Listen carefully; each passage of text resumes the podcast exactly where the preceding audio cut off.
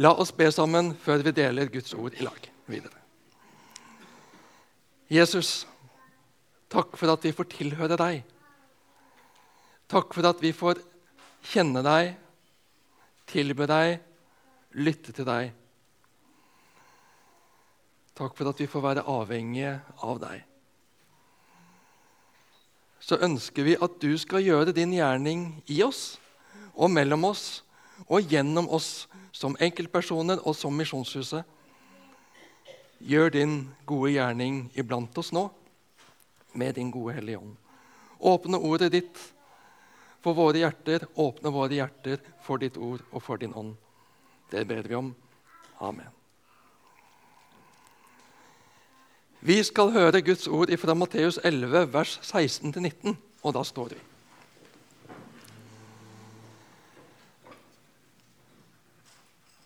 Men hva skal jeg sammenligne denne slekten med? Den ligner barn som sitter på torget og roper til hverandre. Vi spilte på fløyte for dere, men dere ville ikke danse. Vi sang klagesanger, men dere ville ikke sørge. For Johannes kom. Han verken spiste eller drakk, og folk sier han har en ond ånd i seg. Menneskesønnen kom, han spiser og drikker, og de sier, se for en storeter og vindrikker, venn med tollere og syndere. Men visdommen har fått rett, det bekrefter gjerningene hennes. Slik lyder Herrens ord. Vær så god, sitt. Hallo! Kom igjen, da! Ikke vær så kjip! Bli med på leken! Her prøver vi å skape litt god stemning, og så sitter dere bare der og gidder ingenting. Nei, orker ikke. Nei, jeg er for opptatt. Noen som kjenner seg igjen? Jeg tror det er litt der Jesus er når han taler til folket i bibelavsnittet som vi nettopp hørte. Han bruker et poetisk språk. Noe tyder på at han spiller på barnas sangleker når han snakker. Ikke akkurat 'slå på ringen' eller 'bro, bro, brille', men noe som gjerne var minst like kjent i samfunnet blant folk flest den gang. Saken er folk er rare. Mange av oss vi har det med å sitte på gjerdet. Vi tar ikke helt stilling. Vi gidder ikke.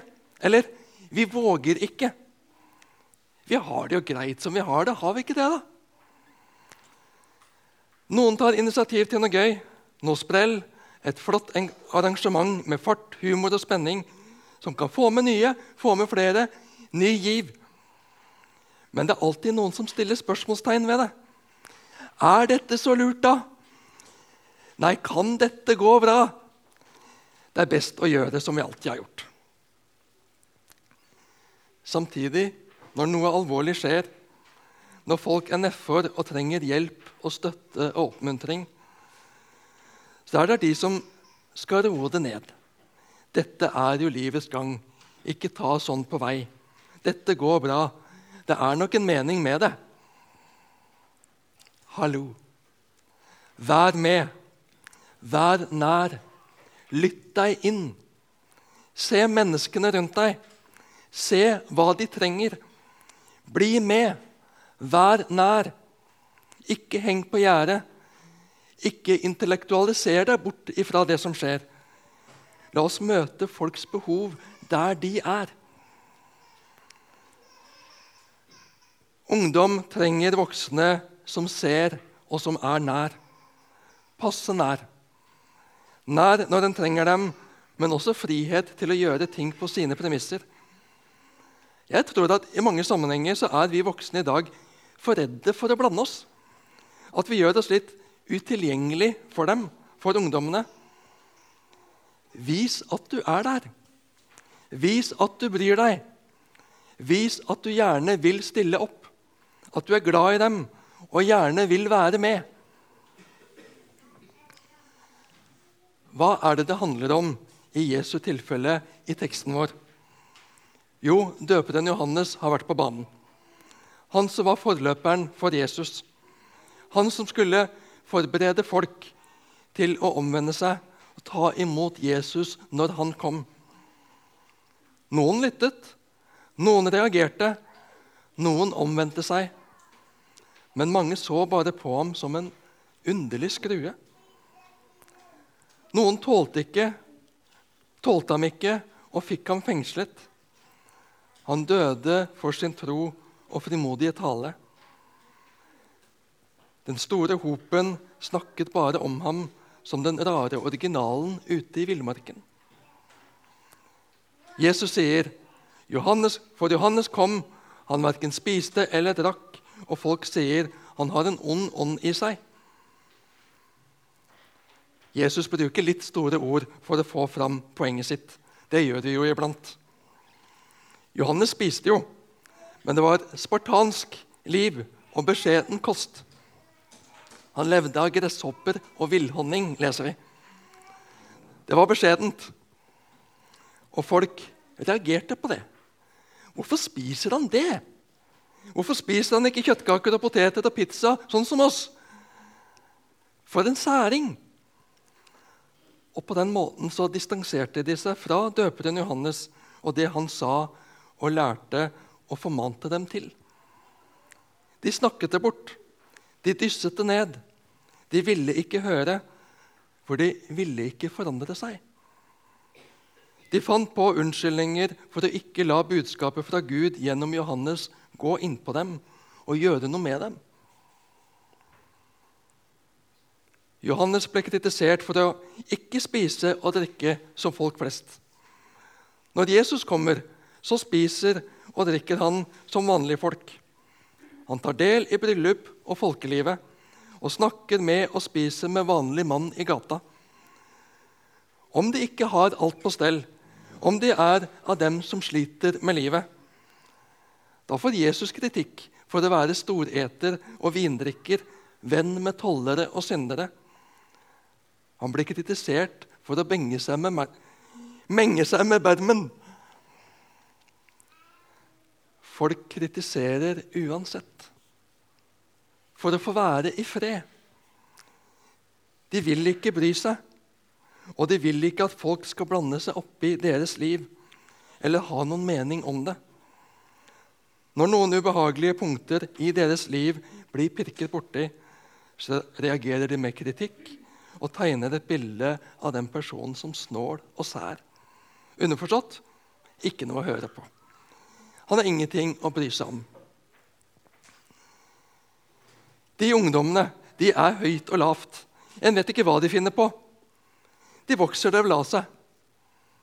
Underforstått vi bryr oss ikke. Det går nok over. Vi fortsetter som vi er vant til. Vi trenger ikke å forandre noe. Vi har det fint som vi har det.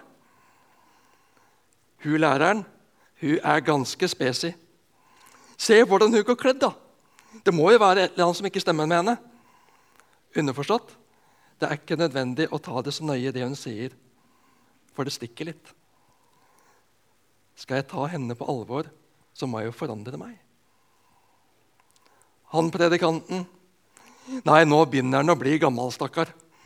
Han er ikke helt oppdatert. Vi får bare jatte med ham. Underforstått bare nikk og smil høflig. Men vi lar det bare passere. Vi gjør som vi vil. Men egentlig så pirker han borti noe som vi kanskje skulle ha tatt tak i. Det er som om Jesus sier, 'Hallo! Lytt! Kobl på hjertet! Engasjer deg! Dette er viktig for deg og de rundt deg.' Hør hva de har å si. Dette kan bli til noe positivt for dere alle. Ikke avskjær noen fordi de er litt annerledes enn deg. Tvert imot, de kan gi noen viktige input og justeringer i livet og hverdagen din. Siste setning i teksten vår handler om visdom. Men visdommen har fått rett. Det bekrefter gjerningene hennes. Hva er visdom? Vi har fokus på kunnskap i samfunnet vårt. Kunnskapsløftet er et begrep utdanning og videreutdanning, en kontinuerlig læringsprosess. Det er noe positivt ved det. Vi har alltid noe å lære. En nysgjerrighet på livet, på sammenhenger, på samfunnet. Det er positivt, og det er sunt, og det er viktig. Men visdom handler ikke nødvendigvis om mengde utdanning og kunnskap, men om å anvende kunnskapen i livet. I den virkeligheten og sammenhengen som vi står i. For et sunt og klokt perspektiv og måte å forholde seg til livet og omverdenen på. Nå er det såpass lenge siden, så nå er jeg i stand til å innrømme det. Men det var en gang at jeg følte meg ganske kunnskapsrik og godt rusta. Jeg hadde lest, jeg hadde lært, jeg hadde papirer på god utdannelse. Og jeg var ganske firkanta og steil i diskusjonen. Kunnskap kan bli brukt feil. Visdom vet å anvende kunnskap klokt i møte med mennesker og livet. Bibelen taler mye om visdom, også om forskjell på Guds visdom og menneskers visdom. Helt siden syndefallet har vi hatt en hang til å bygge egen visdom uavhengig av Gud, og selv erstatte Gud. Paulus skriver i 1. Korinterbrev kapittel 1 fra vers 18.: For ordet om korset er dårskap for den som går fortapt. Men for oss som blir frelst, er det Guds kraft. For det står skrevet:" Jeg vil ødelegge de vises visdom, og de klokes klokskap vil jeg gjøre til intet. Hva da med den som er vis eller skriftlærd eller en forsker i denne verden? Har ikke Gud vist at verdens visdom er uforstand? For da verden ikke brukte visdommen til å kjenne Gud gjennom Guds visdom, besluttet Gud å frelse dem som tror, ved den dårskap vi forkynner. For jøder spør etter tegn, og grekere søker visdom, men vi forkynner en korsfestet Kristus. For jøder er dette anstøtelig, og for hedninger uforstandig, uforstand. Men for dem som er kalt, både jøder og grekere, er Kristus Guds kraft og Guds visdom. Så må vi ikke falle i den grøfta at vi forakter kunnskap og visdom. Da Mariskveldene med Bjørn Hinderaker og Lars Dale gir oss gode innspill både fra andre store tenkere og hvordan bruke fornuften for å hjelpe mennesker til Gud. Vi har nå en gang fått hodet for å bruke det. Ikke mot Gud, men for Gud, til Hans ære. I bibelavsnittet står det visdommen med stor V. Og Da kobles vi på både Ordspråkerne 8 og Johannes evangeliets første kapittel, som viser Jesus som Guds visdom, Guds ord, logos. Visdom koblet fra Gud viser gjennom sine frukter hvor det bærer hen. Det bærer i sin ytterste konsekvens veldig galt av sted. Visdommen fra Gud, Guds visdom, inkarneres i Jesus og hans gjerninger gjennom ord og tegn og hans lidelse, død og oppstandelse viser at han er Gud. Han er Messias. Han er frelseren som åpner Guds rike for oss. Som åpner vårt himmelske hjem for oss, så vi igjen skal få komme hjem til Gud, vår Far. Mange har mange unnskyldninger for å ikke bry seg om Jesus, om det han sier. Ikke la oss gå i den fella. Når Jesus sier noe, så er det fordi han vil deg vel. Lytt til Jesus. La ham få noe inn til deg. Kanskje har du aldri tatt deg tid til å bli kjent med Jesus. Du har i praksis avvist noe som du ikke visste hva var. Men av en eller annen grunn så havna du her i dag. Ta deg tid til å bli kjent med Jesus. Gjennom Bibelen, gjennom samtaler med folk. Kanskje en bibelgruppe. Møter, gudstjenester, undervisning.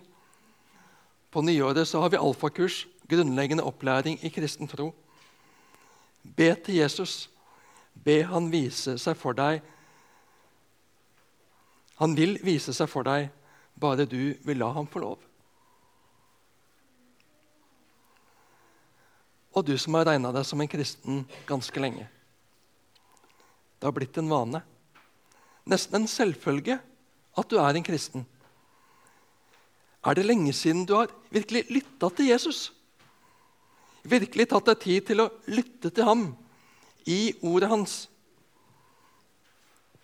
Jobbet med å forstå hva han vil si deg i din hverdag? Hvordan han vil vise deg hva som er rett, hva som er lurt for deg her og nå? Når Jesus peker på noe i livet ditt, ikke avvis ham med kommentarer som at det er jo skrevet for nesten 2000 år siden. Hvordan kan det ha betydning for hvordan jeg skal leve i dag?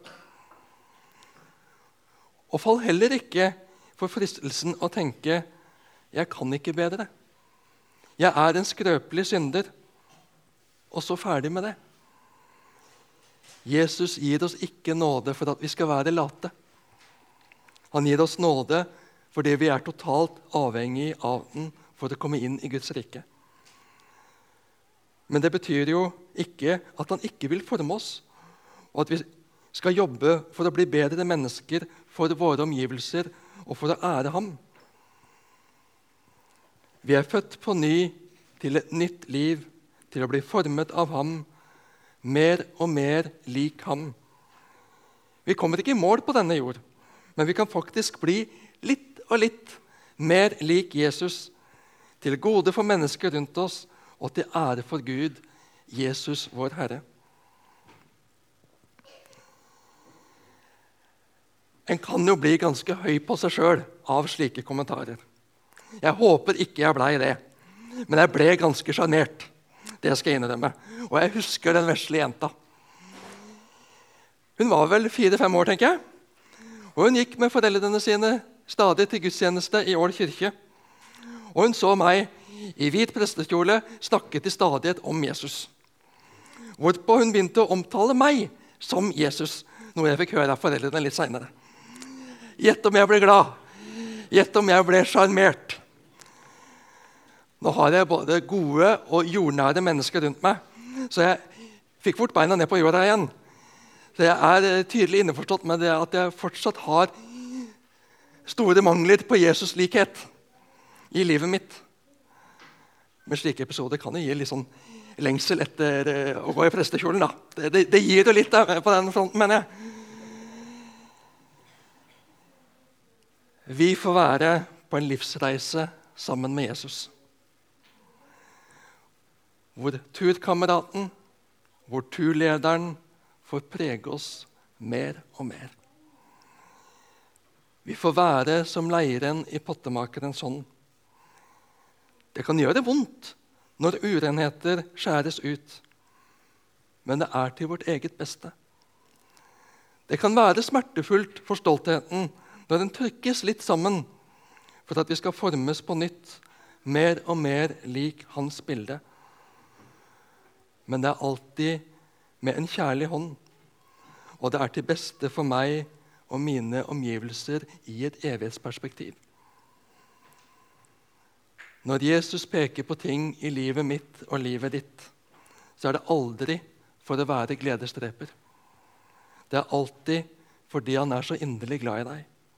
Og han vil at du og de rundt deg skal få det bedre. Jesus skilte seg ut, ja da. Og det vil han alltid gjøre. Jesus vil aldri bli mainstream. Og det vil aldri bli mainstream å følge Jesus. Jesus vil gi deg noe du ikke kan få andre plasser. Han vil være noe for deg som ingen andre kan være. Han vil være din frelser, din Herre, din Gud og din nærmeste venn i hverdagen. Intet mindre. Og vi kan ikke få det bedre enn det her på jord. Lykke til. Gud velsigne deg. Amen.